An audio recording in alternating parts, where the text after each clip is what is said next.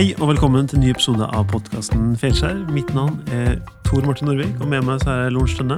Hei, Tor Martin. Hei, hvordan går det? Jo, litt sånn groggy og forkjøla i dag, men det ordner seg sikkert. Enn du? Er det bra? Ja, vet du hva, det er Hvilken dag i dag, da? Mm, Mandag? mandag. Ja. Jo, det går bra. Er det, er dagsavhengig om det går bra eller ikke? Det er en fin, fin mandag. I, uh, vi har med oss eh, Snorre Busch i dag. Fantastisk. Han er å styre lyden, så at den blir fin og klar, og det er viktig. Og vi har jo denne podkasten hvor vi prøver å finne ut uh, hvor lurt det er at folk går på trynet. Mm.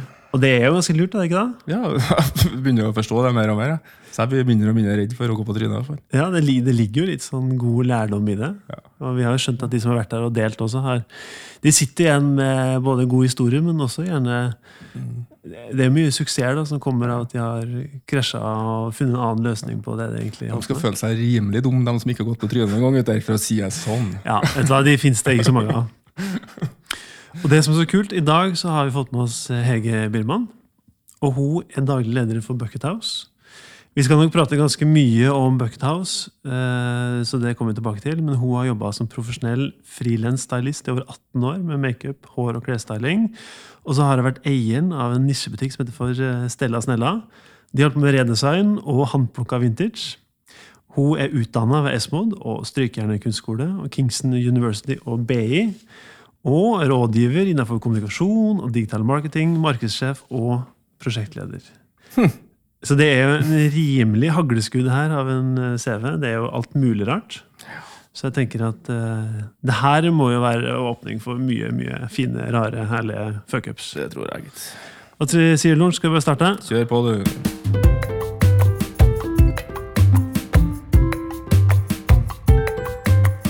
Hei og velkommen til oss, eh, Hege. Tusen takk. Du, eh, Fint at du ville ta litt tid og komme og prate med oss. Jeg har- jo forstått det sånn at når du fikk denne forespørselen om å bli med på Fuckups, Ja. så svarte du egentlig ja med en gang. du. ja, jeg sa bare ja. Det tenkte jeg det er kult. Jeg blir med. Men så Altså så fikk jeg skikkelig noia etterpå. Jeg gjorde det. Ja, fordi jeg fikk jo en mail av deg med en liste hvor du hadde da vært eh, litt sånn selvgranskende, og så hadde du gjort opp et sånt regnskap for deg selv. Ja, jeg måtte jo det. Ja, og der, eh, Jeg har den foran meg, skjønner du. Og her står det eh, fuckups i vilkårlig rekkefølge. Og så står det kuriositeter og regrets, og så er det lærdom. Og så under her så er det et par sånn bullet points, og det er jo kjempefint, for at da har jeg jo jeg har jo noe jeg kan spørre deg om. Jeg har fått et manus, du nå. Fantastisk. jeg er jo manus. Så hvis du, så, så hvis du skal ha manus, gå til Bucket House, så får du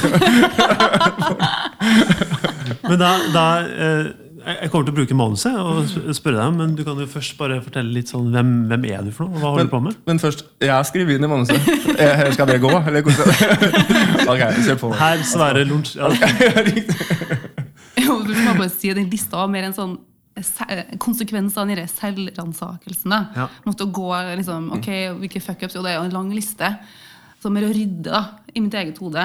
Og så tenkte jeg ok, her, her har du her har du rotet presentert. Men det er jo kjempefint. Det er jo superryddig, og det er jo masse det er masse fint her, så jeg tror vi har mye gøy vi kan prate om. Så bra. Men uh, Bucket House og stylist og Stella Snella og forskjellig utdanning og forskjellig ja, erfaring hva, hvem, hvem er du egentlig? Ja, det lurer jeg på. Nei, Hva, hva er det? Hva, hva er jeg? Nei, altså start med eh, Jeg er agent da, for ti eh, av noen av de flinkeste kreative frilanserne. Det er liksom jobbtittelen min. Ja. Agenten deres. Eh, men ellers så er jeg jo veldig mye mer. Jeg har en veldig variert bakgrunn. Og kanskje for utenforstående. Eh, så kan det jo virke litt sånn schizofrent og crazy, men for meg så, når jeg ser tilbake på noe, så alt har egentlig en veldig sånn rød tråd. Liste. Du har en liste på det òg. Ja, ikke nødvendigvis. Eh, eller kanskje jeg har det, åpenbart. Ja. Utilsikta. Eh, nei, hva skal jeg si, da? Utdannet klesdesigner. Men syns det er like spennende med kommunikasjon og markedsføring. Så det var liksom der det starta når jeg skulle bli stor. da. Hva skal jeg, hva skal jeg bli? Skal jeg gå for liksom popstjernedrømmen i gåsehudene, som var liksom klesdesigndrømmen? Eller skal jeg med reklame, som vi kalte det den gangen? da? Eh, og så valgte jeg etter slett den rosa konvolutten og gikk på med klesdesign. Så det var starten. Eh, hva er jeg nå? Nå er jeg, nå er jeg agent da, for ti frilansere. Er liksom, så er det alt det som er imellom der, som vi skal snakke om i dag. da. Ja, men du er agent og stylist, er du ikke det? Ja. Ja, Så du er jo på en måte fortsatt en fot i det kreative kles, makeup, sminke? Ja, ja, definitivt. Men du, det er litt sånn eh, For å bare forklare eh, Man kan ikke leve av å være stylist i Trondheim. Kanskje noen få kan det i Oslo. Eh, så da har jeg jo likevel vært så heldig å få gjort det. da, Sånn innimellom. eh, og delt veldig mye i ja, nesten snart 20 år, faktisk. Gjort utrolig mye kule oppdrag. Møtt, altså Fått sjansen å jobbe med veldig mye bra folk. Ja. Så har jeg vært, liksom, den har jo vært med hele veien. Eh, så ja. Du har ikke vurdert å flytte fra Trondheim? Det, Jeg har jo bodd ut. du har det, ja? Ja. Hvor har du vært da? Uh, først så eh, flytta jeg til Oslo. Så det var da jeg forsto at ok, den eh, klesdesign-drømmen det var ikke bare en drøm, det var jo faktisk en skole Ja. som het Esmod. Yay! Eh, så da begynte, det var der det starta. Ja. Ok, men kanskje det er mulig da, å få det til. Eh, så det, det var der det egentlig det begynte. Og da bodde jeg ja, to år i Oslo. Mm. Og gikk på kunstskole etterpå. Det var veldig artig. Men Strykjerne, hva var det for noe? Ja, det er kunstskole. Jeg kan ikke trygt si at det var det mest kommersielle innslaget på hele skolen. Men var Esmo det var det treårig? Det var treårig, Ja. men det var, jeg var veldig sånn bevisst på at jeg skulle, bare, jeg skulle gå det ett år for å bygge opp mappa mi. Okay. Eller sånn portefolien, Og så ville jeg ut til utlandet. Og England var planen. Havna du i England, da? Ja, Jeg gjorde det. Dæven. Så gøy, da. Hva skjedde der, da? Jeg så jeg dro jo fra Trondheim da når jeg skjønte liksom at jeg kunne bli klesdesigner. At det ikke bare var en sånn perifer eh, drøm. Så satte jeg jo alle klutene til. Og eh, la en plan, da. Skrev ned en bok og ja, la virkelig planer. Og så første stopp, da, Oslo.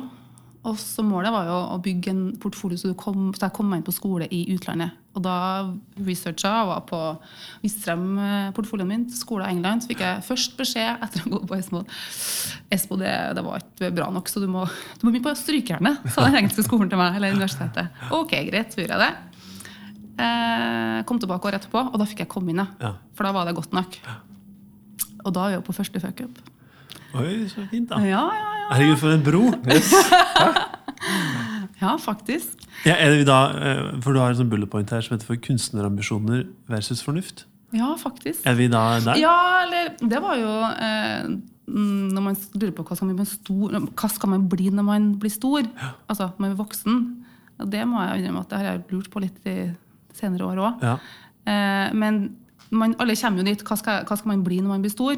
Og da var det sånn, sto det på vektskåla. Skal jeg begynne på BI og gå reklame, eller skal jeg markedsføring, eller skal jeg følge kunstnerdrømmen? Så det var det som var på en måte den vektskåla. Ja. Og så valgte jeg jo kunstnerdrømmen, da, som var klesdesign.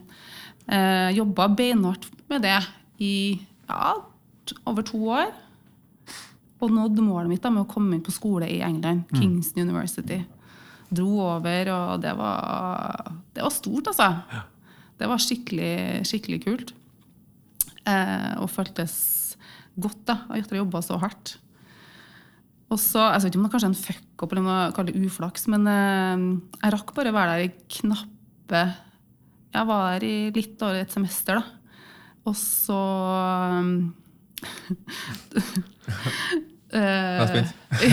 Ja, skikkelig cliffhanger. Så, så spennende er det ikke, da. Nei, men I neste episode. Nei, men det var ja, jo. Jeg har tapt rett og slett penger på valutaen. Altså Lånekassen lot vente på seg. Så jeg har tapt eh, masse penger. Altså, det, hva skal jeg si, å gå skole i England er ikke gratis. Det er ganske dyrt. Så når eh, plutselig pundet, som husker jeg sto i ja, litt under 11 når jeg dro, plutselig så var det på 14. Og når du skal betale et år med skoleavgift, så er det ganske mye penger. Ja. Skjønte ikke det da dumma. Skjønte ikke jeg da, vet du. Nei, men da var det så jeg det Herregud, så surt. Ja, det var dritkjipt. Er ikke det fordi- skikkelig surt? Ja, for det var en fuck up for det, for jeg ventet, for det var noe kødd med søknaden min til Lånekassen. Nei, det går bra. Eh, så det, hadde jeg betalt penger, hadde jeg fått det liksom, i begynnelsen av semesteret, så hadde det gått fint, men det gjorde ikke det. da. Så da, men da måtte jeg bare betale når jeg først fikk penger, selv om at jeg hadde tapt ganske mye på valutaen. da. Ja. That's life. Og så skulle jeg jo hjem, da, for jeg hadde en plan. Skulle hjem og jobbe. Eh, og da skulle jeg være med og style et sånt brudeshow. For å liksom få For det er jo dyrt, da. å Ja. gå på skole i England. Få litt lommepenger. Og så var det en fuck-up der òg. Fordi han som var arrangøren, han fucka opp eh, for annonsørene, for de skulle liksom projiseres i pausen. Ja. Og da eh, syntes han at det da var ikke like artig å betale meg honoraret mitt. da. Så ble det plutselig enda mer minus på den kontoen. da. Men, så du fikk ikke betalt for jobben fordi Nei, noen Etter slutt gjorde jeg det. Eller sånn delvis. Ja. Men eh, jeg sto plutselig og skulle leve drømmen, og så bare hadde ikke jeg penger. Rett og slett. Så det var litt sånn derre Ja, ja. Skal jeg ta opp, eh, skal jeg dra mastercardet da, på noen titusener her, eller skal jeg dra hjem? Så da dro jeg hjem. Så da måtte du bare ende denne utdanninga i? Ja, jeg måtte Jeg dro hjem da jeg bestemte meg for det, for jeg hadde ikke råd til å være der. Eh, slett, og det, er litt sånn, det var litt hjerteskjærende, rett og slett. Ikke bare litt heller. Eh, da dro jeg hjem. Ja, for da- tilbake til Trondheim. Ja, for da hadde du hatt hatt fin flyt, og da har du gått på Ja. Esmod og på den her andre skolen. Strykerne. Ja. Og så har du kommet deg inn i Kingston. England, og så på grunn av en eller annen valutafuckup, så er det ferdig, da. Men hva, hva skjer når du kommer tilbake til Trondheim? Vet du, var så, Da var jeg liksom på skammen. da, vet du. For jeg var så skamfull. Jeg var så lei meg at jeg trodde jeg var ute på en måned. Jeg var så da bare tenkt, kunne, liksom, Jeg hadde gått, jeg hadde dratt fra Trondheim liksom, med så hva skal jeg si, eh, høye ambisjoner, og nå skal jeg liksom woho, Ja. ut i verden. Farvel, Trondheim. Dere er for lite. Ja. Dere er for små for meg. Ja, Det Å, høres jo veldig bra ut når du sier det sånn, men jeg hadde, jeg hadde dratt litt med sånn brask og bram. Da. Og hadde liksom annonsert at nå hadde jeg klart liksom, å oppnå del én av drømmen og å komme inn på en skolen egentlig. Mm. Og så måtte jeg komme hjem etter liksom knapp, ja, litt over et halvår. Ja, det var kjipt, ass. Ja, Hvordan står de da? Hva Fordi det, Folk rundt deg tenker jo ja, ja, det går fint, men du skal jo selv eh, stå i det. Hva, hva, hvordan gjør du det? Husker du det? Ja Um, Det var jo egentlig bare å få landa litt, da. Og så var det jo å få seg en eh, ekstrajobb og få eh, betalt regningene sine. For det var jo det som måtte til. Ja. Eh, men det var jo ikke det verste. Fordi det å jobbe og tjene penger, det, liksom, skal si, det gjør man jo. Det, det var ikke noe problematisk. Men det var liksom å fortelle. da. Hva skulle du si når du møter folk på gata? For jeg var så jo, jeg var så skamfull. Jeg var så deppa for at jeg liksom hadde ikke klart det. Jeg følte meg så mislykka. Når jeg snakker om noe, så er det jo helt sånn eh, rart og litt sånn teit, kanskje. Men det var virkelig sjelesette. Ordentlig sånn slag i trynet. Jo, men herregud, jeg skjønner det. For, for, hvor gammel var du da? Ja, det var kanskje et par og tyve, da. Ja, og så hadde du 23. Ja, nei, vet du hva.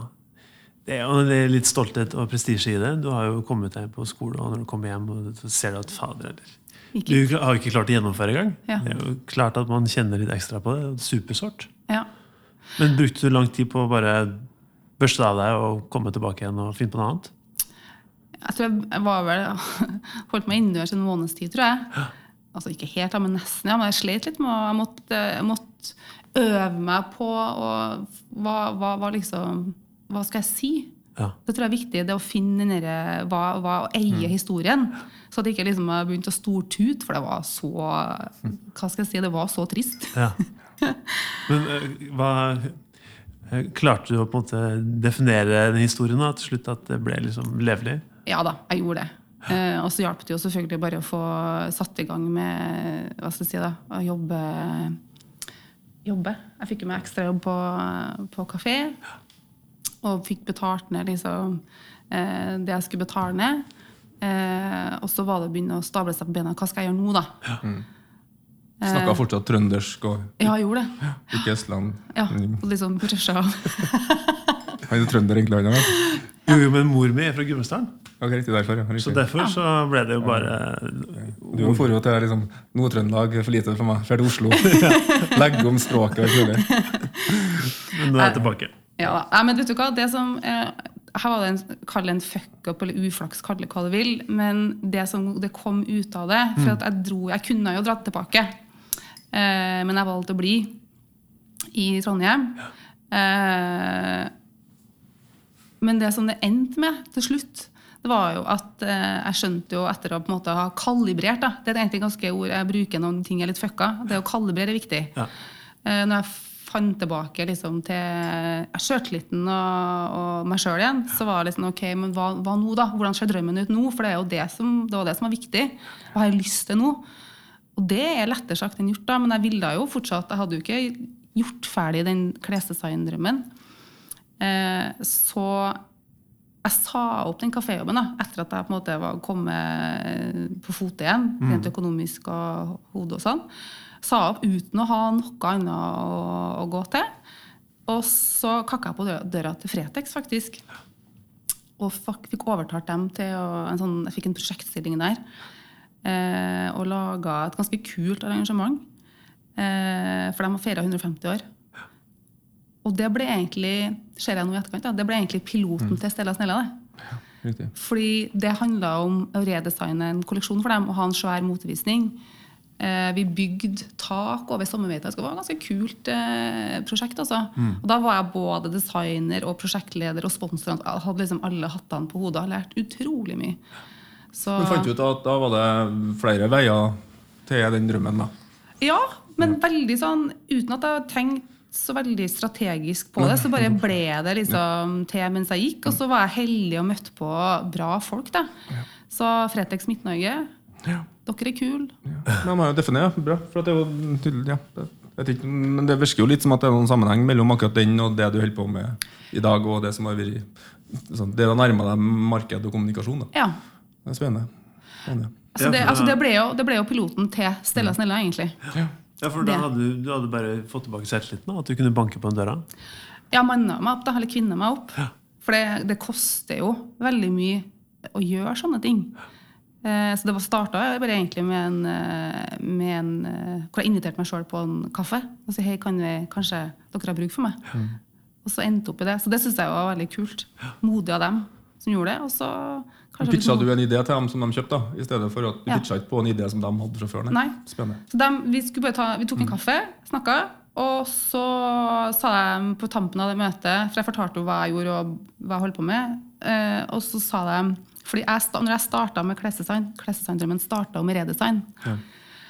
Um, så på slutten av møtet så sa jeg men du, forresten, vi feirer 150 år. Vi har ikke planlagt noe særlig rundt. Kanskje du kunne ha foreslått noen ting, da?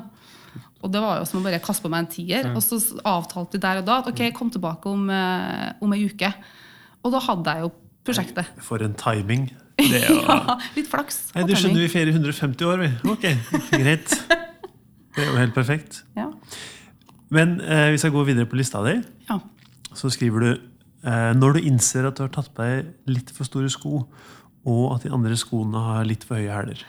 Ja, det, da hopper vi ganske mye. Da. Jeg tenker eh, Stella Snella var jo viktig. Det er jo, den er ikke veldig kronologisk, den lista. da. Nei, det er så vilkårlig rekkefølge. Ja, Ja. så jeg tenker jo Er det gründerrunde én, da? Ja, for det var jo gründerrunde én. Ja, da tar vi gründerrunde én. Ja, ja, for det var jo Stella Snella. Ja. Eh, fordi Hva er Stella Snella? Stella Snella var en konseptbutikk som lå der hvor Bakklandet blomster ligger. da. Ja. Det var veldig kult med at det har blitt en så fin eh, blomsterbutikk. Men der var, altså, der var Stella Snella. Holdt på i fem år. Så jeg tok jeg liker å si, jeg tok en Jenny Skavlan ti år før hun. ja. Så det var rett og slett redesign av vintageklær. Så skulle man komme innom da, og få redesigna hvis du hadde eh, arva en kjole etter bestemora di, skulle komme og få den redesigna til deg. Så det var litt, så var jeg førsten som, altså Jeg solgte en del nye merker, med skandinaviske merker. Men det er, jo, det er jo mye av det nå, men var det mye av det da? Eller var det fryktelig tidlig ute? Jeg var ganske tidlig ute, ja. Jeg var nok det. Var det, hvordan funka det sånn forretningsmessig? Jeg levde av det i fem år. Ja. Og da tenker jeg tilbake på nå at jeg satt alene på det lokale på Bakklandet i fem år. Det var helt utrolig. Jeg var, altså, hadde jo eh, kaffebar og kafé og sånn ved siden av og rundt, og det var jo kunder inne, men det at jeg satt alene, det var jo helt ko-ko å tenke på. Eh, Jeg ble jo ikke feit av økonomisk av å drive med, med på 20 kvadrat. Nei. Eller 30, da. 20. Ja, liten butikk, i hvert fall. Eh, det ble ikke det. Så jeg levde jo kunstnerdrømmen, da. Ja, for da gjorde du jo akkurat det du hadde lyst til å gjøre. Jeg gjorde det. Så det var egentlig Jeg kunne liksom si trekk på den eh, klesdesign-drømmen. Jeg fikk egentlig realisert den. Ja. Ikke bare egentlig, det gjorde jeg. Så når jeg hadde gjort det i fem år, så så jeg jo at økonomisk og driftsmessig så var det veldig stabilt. Mens eh, når du har holdt på så lenge, så må du ta noen steg i en eller annen retning. Så enten så må du videreutvikle, eller så må du avvikle. Så det var egentlig det jeg kom til. Og da fant jeg ut at ok, nå trenger jeg kollegaer, jeg trenger å få bryna hodet litt på andre ting. Jeg er litt ferdig med å være fattig kunstner. For det, det var jeg. Men jeg hadde fått gjort så mye kult og kunne liksom virkelig si at ja, jeg har realisert Ja. den biten. Så da er vi over på egentlig den første voksenjobben. Da, da begynte jeg jo i et eh, konsulentfirma. Se for deg det. Å stå liksom, og drive en klesbutikk, konseptbutikk i vintage-kjoler, og så skal du liksom hoppe over eh, i konsulentverden. Hardcore konsulentverden. Det Hvordan, hvordan skjedde den overgangen? Eh, jeg var veldig sånn bevisst på at ok, nå har jeg gjort altså tilbake til, sånn til tilbake på denne kunstnerdrømmen sant, versus kommunikasjon og markedsføring. Nå var jeg veldig nysgjerrig på å eh, utforske egentlig den andre altså si, foten da, som jeg hadde. Ja. Så du er litt var- mett av å sitte på 20 kvadrat og Ja, veldig. Savna veldig kollegaer. Savner veldig å få bryna meg på eh, andre folk. Ja. Ikke bare få lov til å få ja hele tida. For jeg var bare meg sjøl. Men den, eh, den ligger jo på lista over fuckups. Ja. Er det bare at den Og du blir sittende alene, eller ligger det noe mer i at du måtte legge ned? Nei, det var ikke noe. Jeg vil ikke si at Selja Selja var en fuckup. Jeg var bare mer lærdom fra det. Ja. Eh, lært utrolig med at det er fint. Og da er jeg egentlig på, kanskje på lærdom nummer én. 100% aksjemajoritet er bull. ja. For det, er, for det husker jeg tenkte. At det var viktig å være eneeier og liksom den slå seg på brystet. Og ja, jeg har klart å gjøre det sjøl. Og det er fint, det, men én, du har ingen å dele med. To, eh, du har ingen å spare med. Altså sånn noe som utfordrer deg. Eh, og det er lurt å ha. Noen flere hjerner. ja, definitivt. Men da har du jo Du har jo kjørt på ganske mye alene, og det ser ut som du har, eh, har vært ganske sånn tydelig på hva du vil. Ja. Så nå er du ferdig med fem år i Stella Ja. og tenker at fader, jeg er lei av å være alene, egentlig. Og så hopper du litt til et annet type beite. ja, det gjorde jeg, ass. Hvordan gikk det? Eh, Det, ble, det var en eh, bratt oppoverbakke, kan vi vel si. Eh, hva skal jeg si da? Jeg var ansatt der for å skulle være rådgiver innenfor digital tilstedeværelse. Dette er noe vi er tilbake liksom før Instagram. Men jeg hadde bygd opp Stella Snella og sin merkevare gjennom tilstedeværelse, gjennom eh, altså Facebook og blogg. Eh, og nå skulle jeg på en måte rådgi bedriftskunder. Hvordan skal de være til stede på nett og digitale kanaler. Det her var jo ganske nytt den gangen. altså Det var en ny tjeneste for reklamebyråene også. Å tilby sånne type Eller sånn relativt nytt, da, kan jeg si. Så da, og jeg hadde masse operativ erfaring, og strategisk for så vidt, men på egne vegne. da. Så det å gjøre, skulle gjøre det overfor andre, og med en forventning og et håp om at jeg skulle få meg kollega eh, Sånn ble det jo ikke, da. Eller sånn, nei. Nei. Du kan vel si at det hadde skjedd for meg. Det var et ganske stort gap mellom det som hadde skjedd for meg at jeg skulle gjøre og få lov til å gjøre, eh, og det jeg kunne gjøre, kanskje. Så det å komme inn i en verden da, som var helt annerledes, skulle på en måte være en del av en kon hardcore konsulentverden med mye voksne menn. Ja. Eh, og Det var ikke mye, re, det var ikke mye redesign og dressjakka der. Og så for å si det sånn Jeg slutta ganske raskt å gå med, med kjole og skjørt. Ja. ja, det funka ikke. Nei. Nei. Og det er jo egentlig litt sånn trist, egentlig. Men det, det gjorde jeg, altså. For det Hva skal jeg si, da? Vi jo, det er liksom prøve å velge ordene mine litt på da. Men eh, Ja, for det var ikke det at du hadde så rare kjoler. Jo, det hadde jeg jo helt sikkert. Men uh, Var det så Det var, det var, søtt, okay. det var søtt deg. Tore. Men har bare litt selvransakende i det her, da. Eh, eh, jeg kommer inn eh, Gjennomsnittsalderen var jo godt over 50. Da tar jeg ikke i. Og så kommer jeg inn. Eh, slutten av 20-årene. Blond. I kanskje noen blomstrete kjoler. Og kanskje ikke så ille, men se for deg. Jeg kommer inn veldig eh, var, var kanskje et eh, friskt pust, da. Tenk deg sjøl. Og så i tillegg så representerer jeg jo et fagområde som brorparten av dem som jobber her fra før av, ikke ante noen ting om. Og så kan jeg overlate til deg å, å spekulere i hva, hva skjer da. Det er ganske interessant. Lært mye av det. Ja. Og da bare tenkte jeg at det her orker jeg ikke. Ja, det var noe foreng... jeg, vet du hva, det må jeg bare si. Jeg har lært ufattelig mye. Dritmye Altså dritflinke folk som var der. Eh, om jeg kom til min rett, og at det var bra match eh,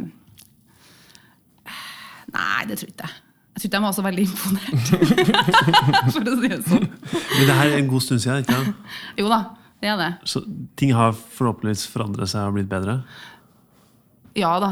Jeg kan, kan jo bare fortelle en, det er en sånn fun fact, men jeg, hadde jo eh, Jeg skal holde et foredrag eh, om sosiale medier, da. Om tilstedeværelse. Jeg flirer. Det er så, det er så sykt å tenke på. Jeg skal holde et foredrag på en sånn kjempeviktig sånn der, eh, kongress, da, eller det var for en sånn ganske stor kunde. Eh, Så skulle jeg holde et innlegg om sosiale medier. Sammen med to av seniorene i, i det her konsulentfirmaet. Og jeg har fått taletid da, og prate i vei og, liksom, og bygge. Har bygd opp presentasjonen og var kjempegreie. Nå skulle jeg endre liksom, å vise meg frem. Og så før jeg var, før jeg var ferdig og kommet til poenget, så sier han ene Ja! Og så sier vi takk til Hege! og så klappa hele salen. Ble det applaus, da? Nei. Og jeg var jo ikke ferdig. Men det var, sånn, på- det var bare sånn moment hvor at jeg kunne ikke, det var, jeg kunne liksom ikke si unnskyld, men jeg er ikke ferdig. For at jeg var liksom Han kjeda seg, tror jeg. Så han bare gjorde sånn. Bare ne next! Og så bare gikk jeg jo og fortsatte i programmet. Og tenker jeg bare, Det er litt sånn Spill noe du kan. Det sier ja. Det oppsummerer vel litt, tror jeg. Spill noe vi Ja. har hørt Ja. før. Mm. Så det er kanskje det man ønsker det eh, punktet om ha på seg litt for store sko. Og når skoene har litt for høye hæler. Det var kanskje en liten sånn metafor på, på den eh, altså si, opplevelsen der. Ja. Men var det det at den jobben du skulle gjøre eh, for Hva var Jeg tenker, Hva er det som gjorde at det ikke funka? Var det det at eh, de ikke var klar for å gjøre tilstedeværelse på digital tilstedeværelse? At de ikke helt skjønte hva du skulle gjøre der? Jeg tror en kombinasjon er, men altså, jeg liker jo egentlig å tenke at ansvaret ligger jo mye på, altså, hos meg, at jeg skulle ha satt meg bedre inn i hvilken type eh, aktør det her var. Eh, men jeg var grønnskåling, da. Kom rett fra 20 koller på Bakklandet og har vært min egen sjef og levd i kunstnerverden. Og så var det et ganske stort hopp da, til corporate-verden. Og inn i en verden der med mm, altså, hele konsulentbransjen at vi vet best-verden. Ja. Altså, det var jo, ja, men hvor mange år siden er det? Fem-ti? Ja, nå er, nei, det er kanskje Må jeg tenke, da. Ja, ni. Ni? Ja. For det var jo den tida der var Hele den sosiale medier og nye medier utfordrer jo på en måte sannheten til veldig mange Ja. av det her konsulentene slash halvveis lobbyister, nettverk. Vi kjenner folk. Ja. Bransjen. Og så kommer da Ja. Spennende. Mm, Lært utrolig mye. Det må si. Kjempedyktige folk. Eh, og mye lærdom. Men jeg tror nok at den viktigste lærdommen for min del, det var eh, å ikke ta på seg så store sko, og kanskje ha en litt mer sånn reality check på egne evner, da, kanskje. Men Stella Snella det Ja. har aldri vært noen fysisk butikk igjen? har det? Nei, men jeg har beholdt Stella Snella-navnet når jeg styler. Ja, For det er jo en litt sånn Ja, det er jo en konsulentjobb, det. Ja. Så det er jo det som er spennende, syns jeg òg, med at du brekte om og en fysisk butikk over til en konsulent virksomhet. da. Ja. Ja, og det er nok en uh, smart ting, kanskje. Ja, jeg har diskutert mye med meg sjøl, for det har jo vært litt i konflikt faktisk til tider rundt når jeg valgte å gå mer mot kommunikasjonsverden. Og det å kombinere det med styling, da, som veldig mange tenker bare at det er pudder og fjas. Så diskuterte jeg mye med meg sjøl hvordan skal jeg forene de to, eller skal jeg skille dem? Og det har jeg kanskje ikke fortsatt ikke helt landa på helt, men jeg bare tenkte nå må jeg bare Jeg har gjort det litt sånn intuitivt, men jeg er veldig glad i Stella Snella-brandet. da. Så jeg har hatt det med meg hele veien. Det har vært med hele veien siden ja, 2006 var det når jeg gründa det. Men, det, men jeg synes jo nå er jeg Du forteller jo med styling, og det, det er jo historiefortelling. det jo. Definitivt. definitivt. Så, så det er jo ikke så stor forskjell på det og design en nettside. på måte. Du skal, fortsatt, du skal fortelle historie gjennom det, og det beste som forteller, beste stylistene de som forteller de beste historiene. Ja, helt klart. Og det er, du kan kommunisere ekstremt mye. Ja, Yes. Eh, med både klær og Kanskje mest klær. Da. Det er det jeg har jobba mest med, kanskje. Men ifra det her kontoret, da, Ja. hvor går vi videre? Jo eh, Nå blir det jo litt sånn eh, kronologisk likevel, da, men det er en reise som jeg har vært med på. da. Eh, egentlig helt siden jeg la ned Stella Snella, så har jeg liksom leita litt etter veien min. da. Eh, men skal vi se, prøve å tenke litt. Eh, jeg skjønte jo at eh, jeg skulle ikke være på det her konsulenthuset. De eh, skulle videre og fusjonerte med noen andre også, så det var egentlig en sånn naturlig ende på at jeg gikk videre. Ehm, nei, jeg hoppa jo til en helt ny bransje. Uh, Jobba jo i filmbransjen. I film òg, ja. Ja, det var jo en helt fantastisk eh, tid, det òg. Hoppa jo eh, Jeg signa, husker jeg, på en fredag. Mandag sto jeg foran 200 kinosjefer og presenterte film, liksom. Som filmdistributør. Vet du hva film, en filmdistributør gjør? Ja, nei, nå ble jeg usikker. Ja, men ikke sant? Ja, det var jeg òg, men jeg sa ja. Salvevas. Ja, for det er jo ikke Kapa. Nei, for det er kinoreklame. Ja. Filmdistribusjon. da er liksom. Ja, At de faktisk. kjøper filmer i utlandet, og så Ja, til norske kinomarkeder. Ja. Eller streamingene, eller ja. Eh, det var kanskje ikke så mye fuckups der, men uh, det var megaspennende. Så det, det, var, det var ikke så mye fuckups egentlig der. Men hva, hva, gjorde du der? Da reiste jeg verden rundt og kjøpte, inn, kjøpte opp filmrettigheter. Oh ja, så da er du som er på Cannes, da? Ja. Å, herregud. Det Det er drømmejobben din, da. Ja, vet du Jo, men da kan jeg jo Jeg har jo en sånn regret, da. Da har vi Lida Liv Ullmann. Oh, ja, nå er vi på Kuriositet Regrets. så fint. Ja, men det er egentlig Det er ikke en fuck-up, men det er bare en sånn bare tenker åh, Fordi jeg var jo i Toronto. Ja. Toronto Filmfestival. Fantastisk filmfestival for øvrig. Jeg satt der på, for Når du kjøper innkjøpet, så får du sitte på en sånn buyers lounge. Det høres veldig fancy ut, men det er bare at du kan sitte og jobbe eh, inne på kinoen. som bare dedikert område. Og så satt jeg der og jobba sånn seint på en ettermiddag og bare planla neste dags kinoprogram. sikkert hva skulle jeg se. Og så sitter jeg, jeg er alene, og så plutselig så kommer Liv Ullmann og det som jeg tror er mannen hennes inn. Og er litt sånn lett hektisk å ordne. Og da vet jeg at Liv Ullmann skulle jo ha sin spillefilmdebut, altså som regissør, på Toronto. Eller i Toronto, da. Uh, og jeg husker jeg bare satt der og bare Herregud, Liv Ullmann, vet du. Nå skal Og hun er jo en legende, sant? Ja. Men hun, hun var naturlig nok veldig spent. da. Hun skulle jo vise frem filmen sin. Er det var det Miss Julie. Den heter ja, Pinlig at jeg ikke husker på den, men i hvert fall, det var den første, første Den var kjempebra.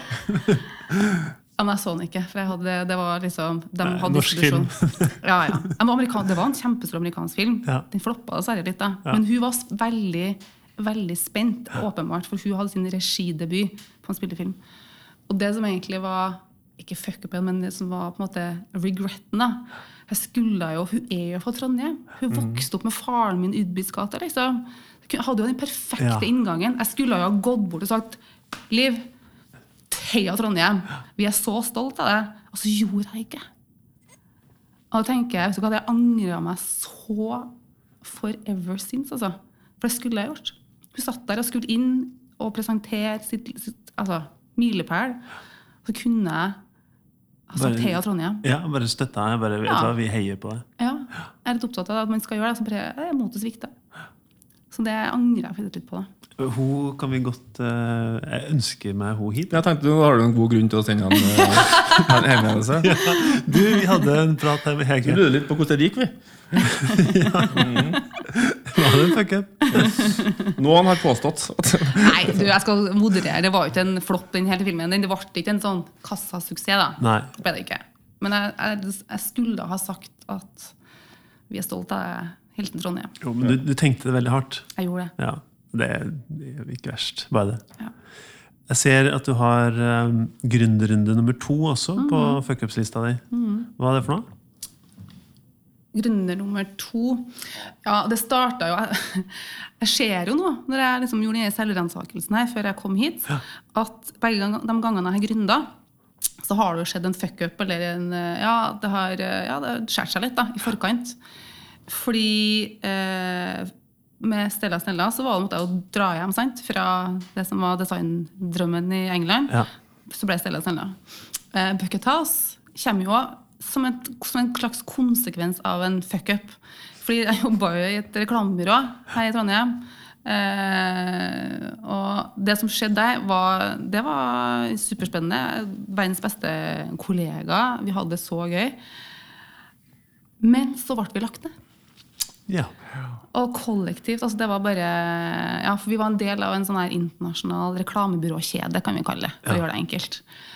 Eh, fikk vi varsel om at vet du, Danmark og Norden sier nei, dere er for dyr, vi flytter all business til Danmark. Ja. Og da tenkte jeg bare fuck. Hva gjør jeg nå, liksom? Og så var jeg jo rundt og hva skal jeg si, søkte litt på jobber, og så oppdaga jeg egentlig at de jobbene jeg hadde lyst på, de fikk det. Og de jobbene jeg fikk, hadde ikke jeg lyst på.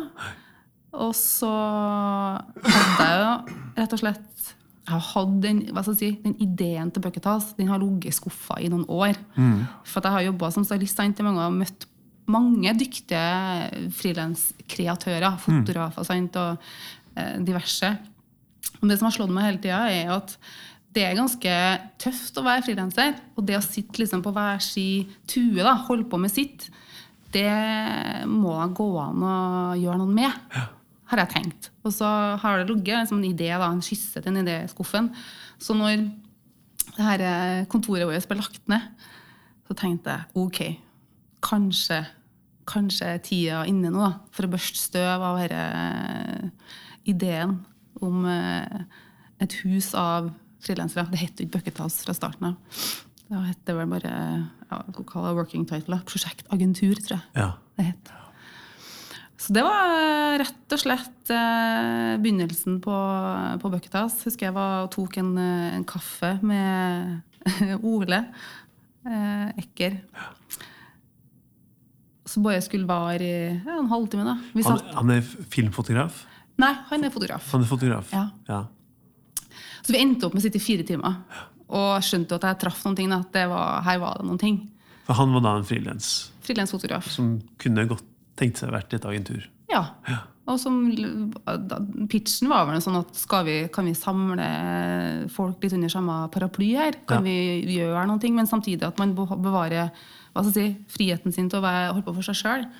Så det var egentlig starten på det. For det som er kult med Bucket House, er at du har jo i Oslo så har du Byhands, og det er jo på en måte kun illustratører. Ja. Mens dere er mye mer tverrfaglige. tverrfaglig. Både 3D og dere har foto.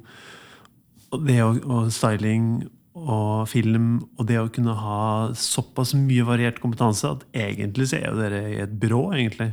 Dere kan jo nesten levere alle Ja det, ja, det skjønner jeg jo at du sier, og det har jo vi eh, tenkt òg, men vi er jo ikke det, vet du. Fordi, for det første så har vi jo eh, valgt bevisst at vi ikke har tekst, f.eks. Mm. Vi tilbyr bare visuelle tjenester. Eh, og vi er heller ikke Det eneste jeg som ansatt. Så jeg, jeg liker å si at jeg er ikke sjefen til noen. og det syns jeg var veldig deilig. Eh, det tror jeg de synes også, for at Det er en grunn til at folk velger å være frilansere. De ønsker å ha friheten sin. Men samtidig så syns man jo det er kjedelig med system og det å admin og ordne og innsalg og markedsføring. Og da har du meg. Så målet er jo at de skal kunne holde på med sine ting. Så nei, vi er ikke et byrå, vi er et agentur. Mm. Det er jeg veldig opptatt av. Og vi er jo leverandører av visuelle tjenester, som vi bruker å si. Mm. Man kommer og shopper av oss. Ja, men Så kult. Så det Bucket House kom jo da av at det ble lagt ned, altså. Ja. Men de som du jobba med da, har du dratt med noen av de i Bucket House, eller har de funnet andre Det var jo fra det reklamebyrået Det var jo veldig eh, en, hva skal jeg si da, en nisje innenfor kommunikasjon som er altså, SEO. Digital markedsføring og ikke minst eh, paid marketing. Ja. Sånn at eh, de har jo hva skal jeg si, blitt plukka opp av andre ja, Noen jobber på kundesida, og noen jobber i andre reklamebyråer. Det var vel et byrå som plukka opp en ganske stor del av dem. Ja. Ja. Jeg var jo stakk av fra det selskapet jeg, vet du, før, før det ble lagt ned. For du lukta det, du. Lukta fuckupen, du. Ja. Jeg gjorde det. Gjorde ikke jeg. Vi berga det faktisk noen år før. Ja. At ikke skjedde. Ja. Jeg kan gå videre på lista di på kuriositeter. ja. Og Jeg husker ikke hva som står i oppvaskmøte med Sølvrævan. Ja, det var kanskje bare en sånn kuriositet. Det står fra dette konsulenthuset. Jeg vet ikke hvor mye Ja. Jeg vet ikke hvor, hvor sensasjonell den historien blir, men det er jo noe med å befinne seg i en uh, situasjon hvor at man jager etter kunder. sant? Og Det er det det, det, det handler om når man jobber eh, som konsulent. Og så kom det jo til et tidspunkt at jeg dro inn en ganske stor kunde. da. Ja. Endelig. Eh, og vi altså ikke helt på egen hånd, men det var, jeg var en viktig eh, hva skal jeg si, jeg var, en- jeg var en viktig bidragsyter at vi fikk den kunden. Men så ender det jo opp med at to av seniorene stiller seg rundt lunsjen og slår seg på brystet og sier at ja, så fikk vi en kunde her, da, og det var vi som måla opp. Og det som skjer, er jo at jeg tenker ok, det her er så, det er så crazy, at, eh, men jeg, jeg gidder ikke å på en måte si ja, men hei, det var min. For da jeg, jeg vet ikke. Det var ikke helt eh, Det gidder jeg ikke. Men det var andre som reagerte på mine vegne. ja. Og det endte jo opp i et helt ellevilt oppvaskmøte.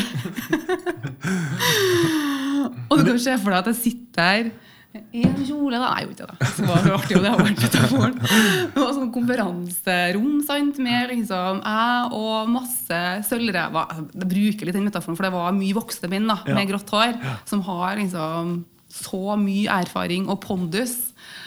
Og så sitter jeg der, og så er det noen som på en måte skal tale min sak, som, eh, som ønsker å på en måte si hei, det var jo Hege som tok inn den kunden her, hva holder du på med? liksom? Som var etter beste intensjon.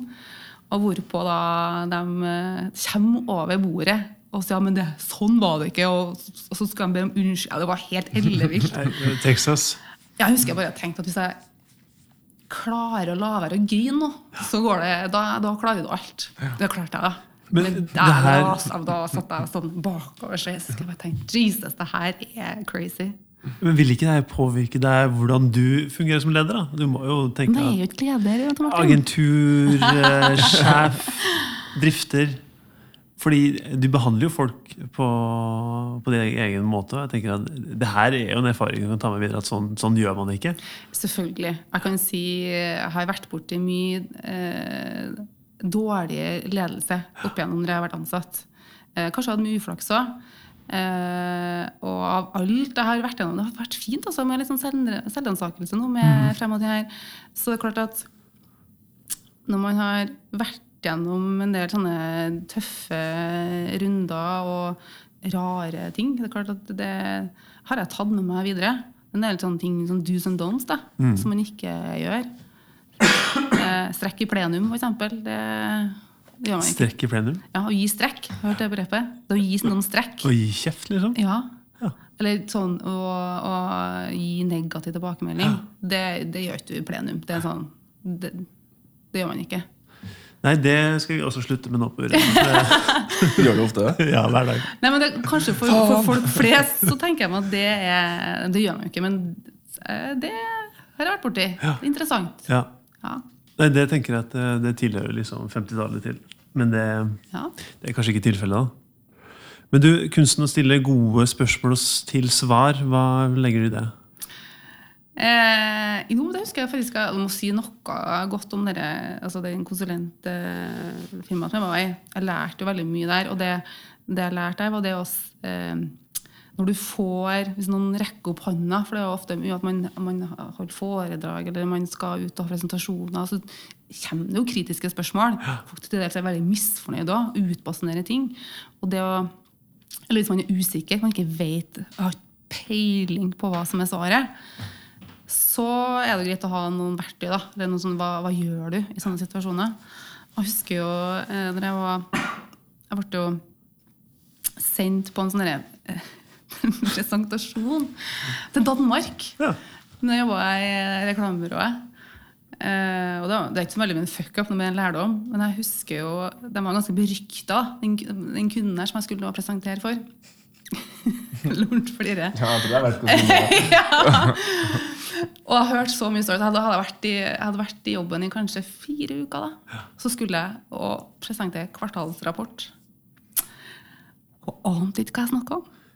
Så vi hadde laga manus. Og Det var liksom, det var, det var folk var innforstått med det. Både liksom på Trondheimskontoret og København-kontoret. Men jeg skulle da også ut og fronte og, og presentere tallene. Og jeg visste jo at det kom til å Sannsynligheten var ganske stor for at det kom til å komme noen spørsmål. Og jeg kunne med sikkerhet eh, si at jeg kunne ikke svare. Så hva gjør du da? Så der var du bare en budbringer, du? Jeg var bare budbringer. Og så skulle Opplæring, kalte vi det. Men jeg hadde med meg to veldig erfarne kollegaer, så det var ikke helt alene. Men det som Jeg husker jeg sendte en snap til sjefen min. Hvem som var der. For vi skulle egentlig bare på sånn mellomledernivå, altså fra kunden. Men så viste det seg at plutselig så kommer storsjefen og han over der igjen. Og så han, han eksentriske tyrkeren, som alle er redd, han kom også. Og det har blitt fortalt etterpå at de ble jo så stressa hjemme her. Eh, men jeg får nå presentert, og bare tenkte ja, det kommer til å komme spørsmål om hva jeg gjør.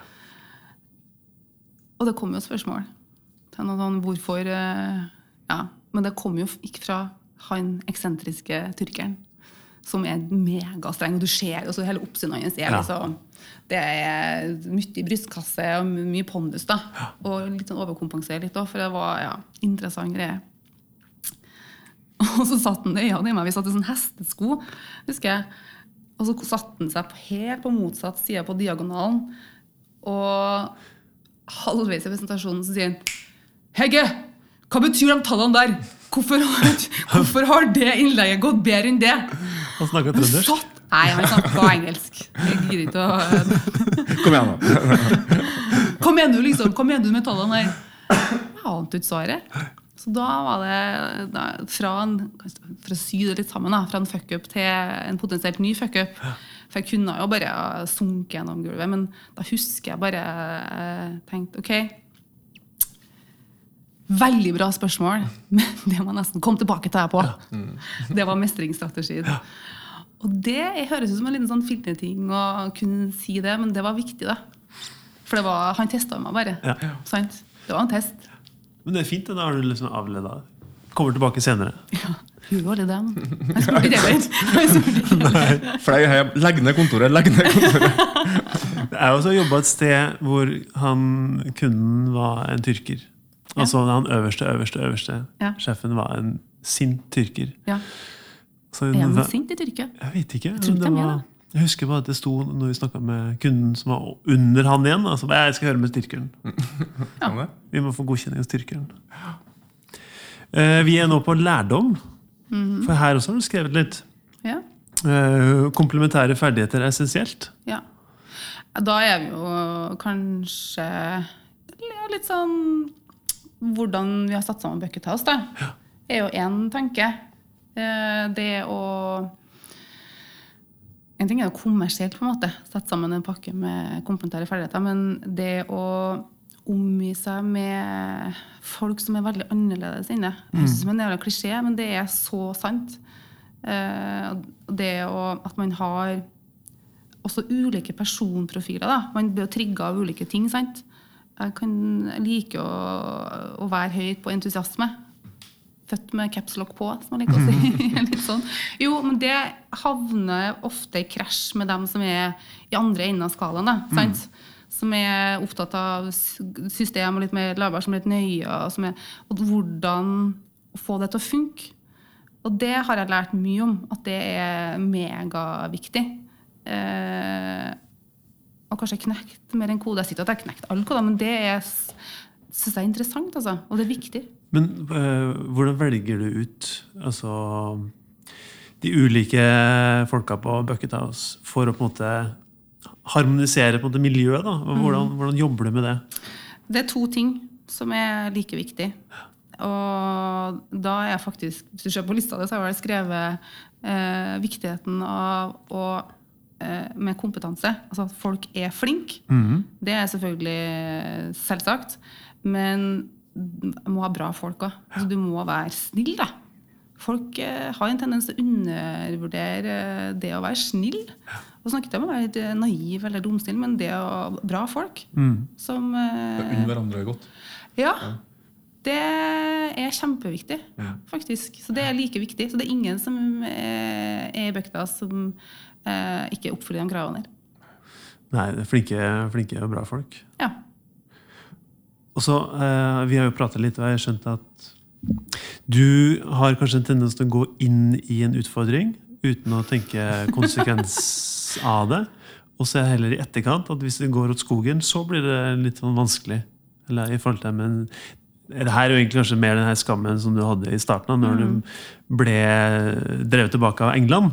Men kan du si noe om det her med å være så uredd som det du er, eh, når du skal inn i noe nytt? Høres ut som at jeg er veldig modig her nå, men eh, jeg tror nok at jeg er ganske uredd for å, å ta på meg ting.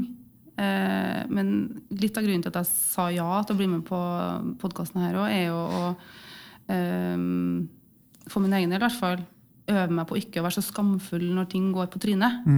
Og jeg tror at det viktigste jeg har lært, det å, å gå på trynet, det er at man ikke må sitte alene med det. Jeg tror ikke nødvendigvis at man skal stille seg på Nordre med en ropert. Men altså det å koble på og snakke med noen, det er dritviktig. Hvis ikke så dør du.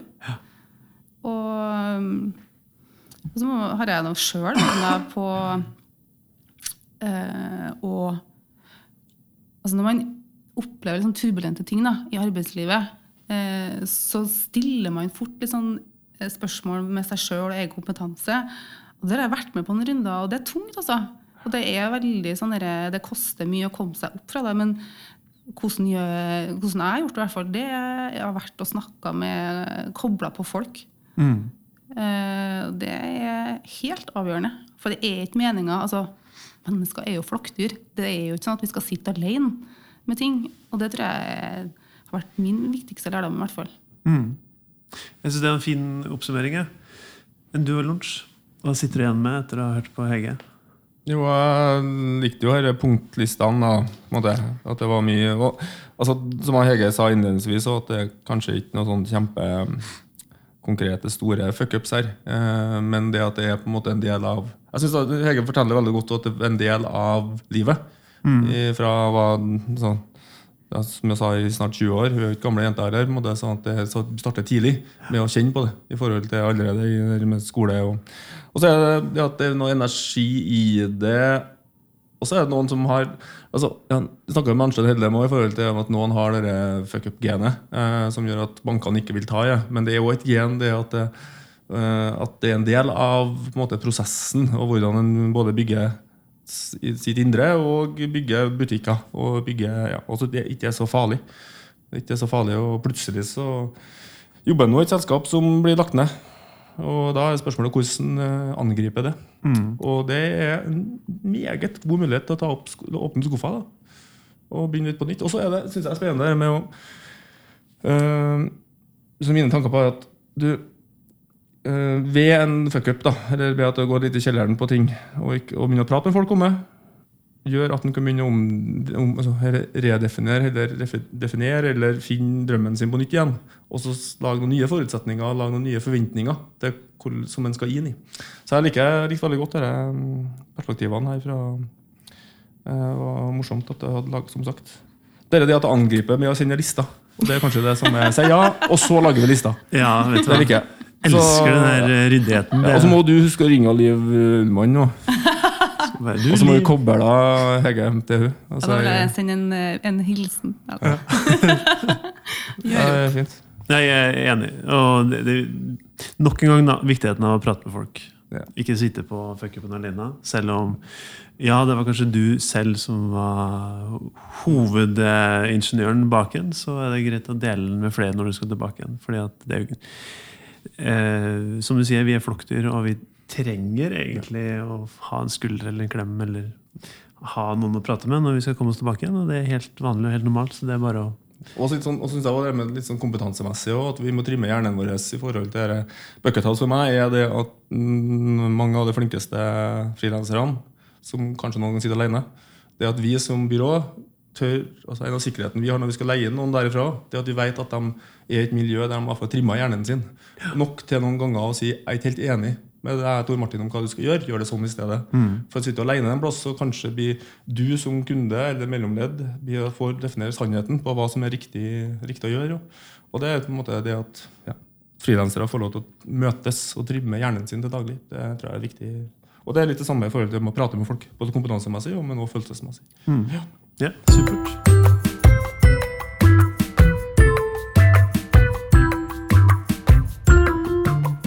Da har vi kommet til eh, avskjedsgave, som er hva er det som har gjort deg glad den siste uka? Eh, Hege, er det noe som har skjedd siste uka som du tenker at det var, det var fint? Vet du, jeg har veldig ofte sånne øyeblikk av lykkefølelse. Eh, Jeg har det veldig bra på jobb da, om dagen, men det er litt sånn, det, det har jeg lyst til å dra frem kanskje akkurat nå. Jeg hadde en eh, kjempefin lørdags ettermiddag med sønnen min på ni. Vi var på konsert, og på a cappella-konsert. Han eh, er rådigga, så det var kult. Ja. Det var altså opptråden sjøl på egen konsert med, på Studentersamfunnet på søndag. Så han er jo litt spesielt interessert, da. Ja. Men eh, det var kult. Stolt Veldig sånn eh, mamma. kulturhelg. Ja, Ja. helt klart. Men det var fint, det var så dårlig vær.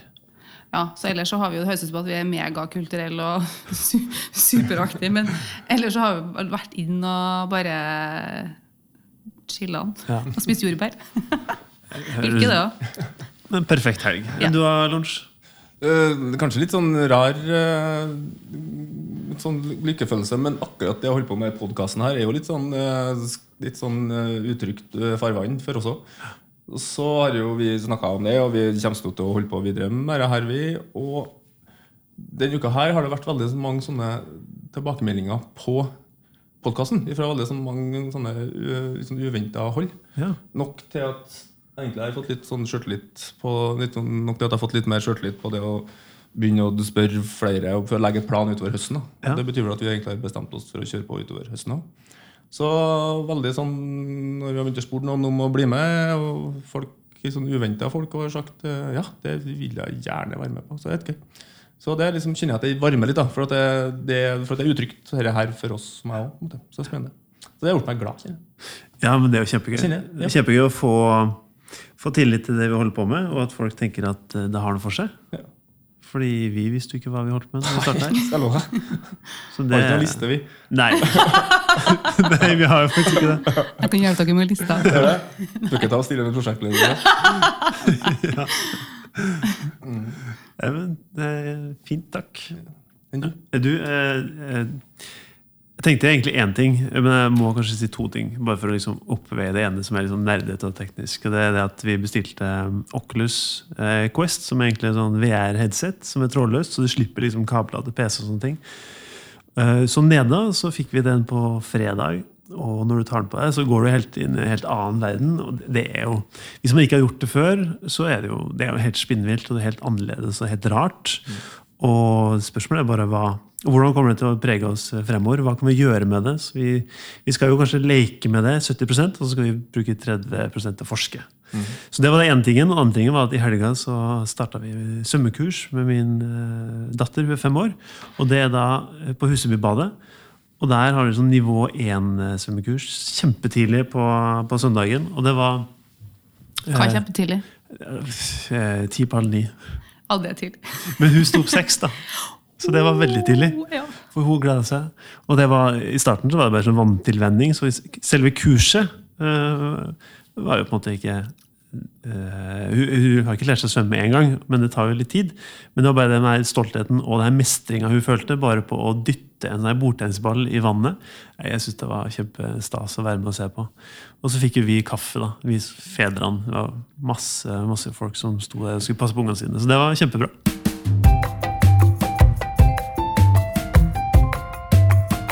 Tusen takk til dere som har hørt på så langt. Og nok en gang, Hege, utrolig kult at du ville komme og prate med oss og snakke om lista di. Tusen takk for at jeg fikk komme. Du, hvor, hvor er det folk kan følge deg sånn på nett? Hvor går man da? Jeg tenker Instagram. Ja. Stories. Det syns jeg er gøy. Det er så lavterskel. Så sjekk ut uh, Buckethouse på Instagram, f.eks. Ja. Det er fint.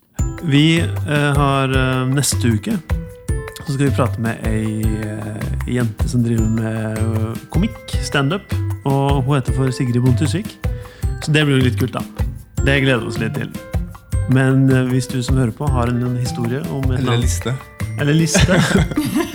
Hvis du har en liste du å dele med oss, send oss en mail på feilskjær.uredd.no, så skal vi få lista di ut og fremme lyset.